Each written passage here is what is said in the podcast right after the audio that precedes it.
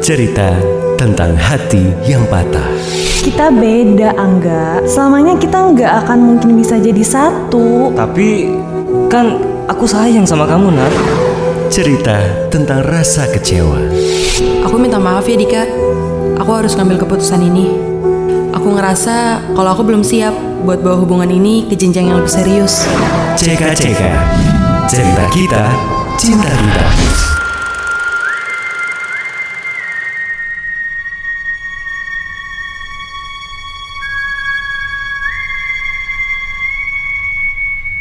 Aku masih ingat waktu itu.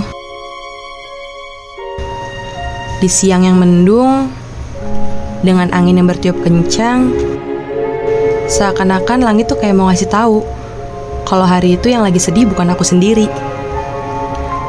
Waktu itu aku lagi pengen sendiri.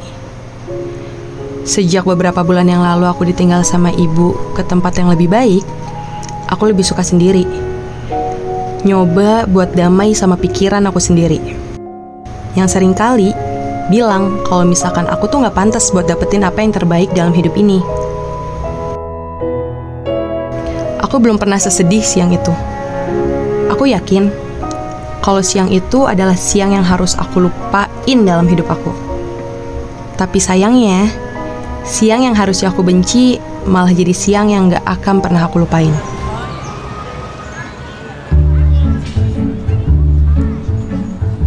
Kayaknya sebentar lagi hujan deh. Aku ikut duduk sini ya. Apaan sih? Nggak lihat ya masih banyak kursi kosong. Jutek amat sih. Aku kan cuma ikut duduk sini doang. Nggak akan modus kok. Pergi nggak?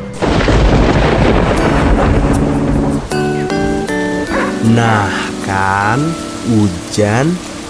Udah ya, biarin aku di sini dulu. Please.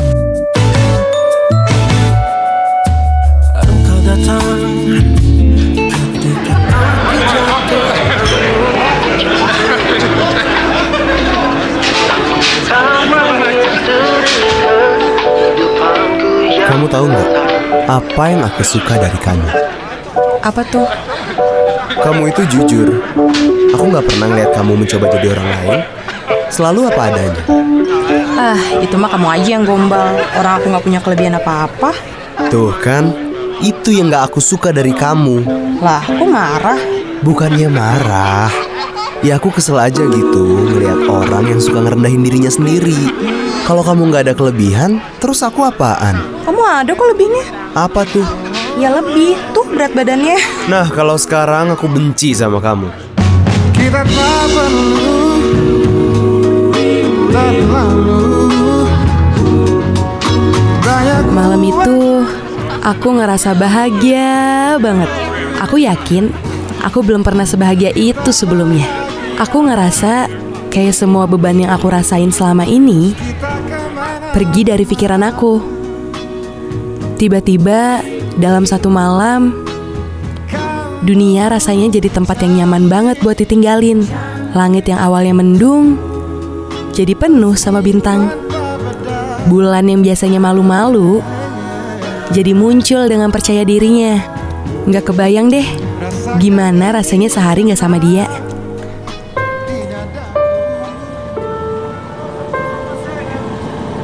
Harus banget ya kamu pergi ke Jogja.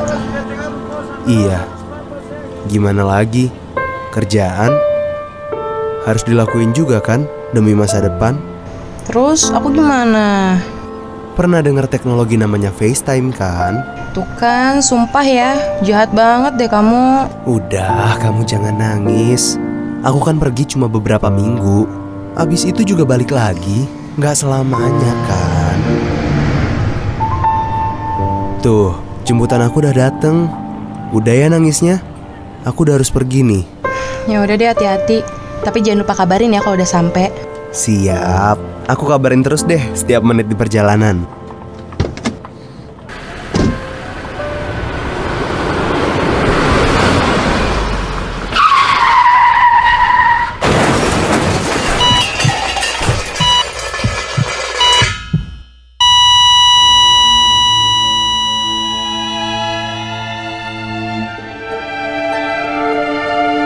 Waktu itu Raka bilang kalau dia cuma pergi buat beberapa minggu.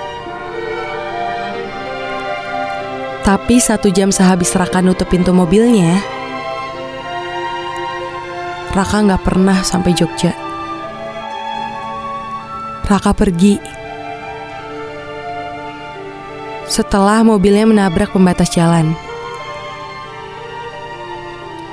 Dari empat orang yang ada di mobil itu, cuma Raka yang gak selamat. Aku tahu kenapa saat itu perasaan aku gak enak. Mungkin karena aku tahu kalau itu bukan perjalanan Raka menuju Jogja, tapi tempat terbaik untuk orang terhebat, terbaik yang pernah aku kenal. Makasih ya Raka buat semuanya. Aku gak akan pernah berhenti ngabarin kamu lewat setiap doa, setiap malam menjelang pagi. Aku sayang kamu, Raka. Apa yang kamu bilang sebelum kamu pergi malam itu bakal aku kenang selamanya. Tuh. Oh iya.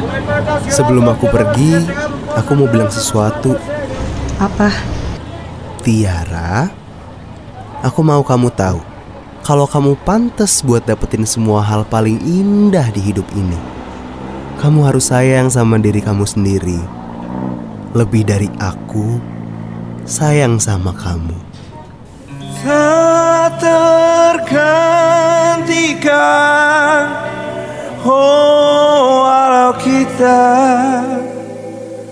Tak lagi saling Menyapa. Dengerin CK-CK Cerita kita, cinta kita Cuma di Love Cinta. Setiap minggu dari jam 9 sampai 12 malam Only on Oz Radio Your friendly station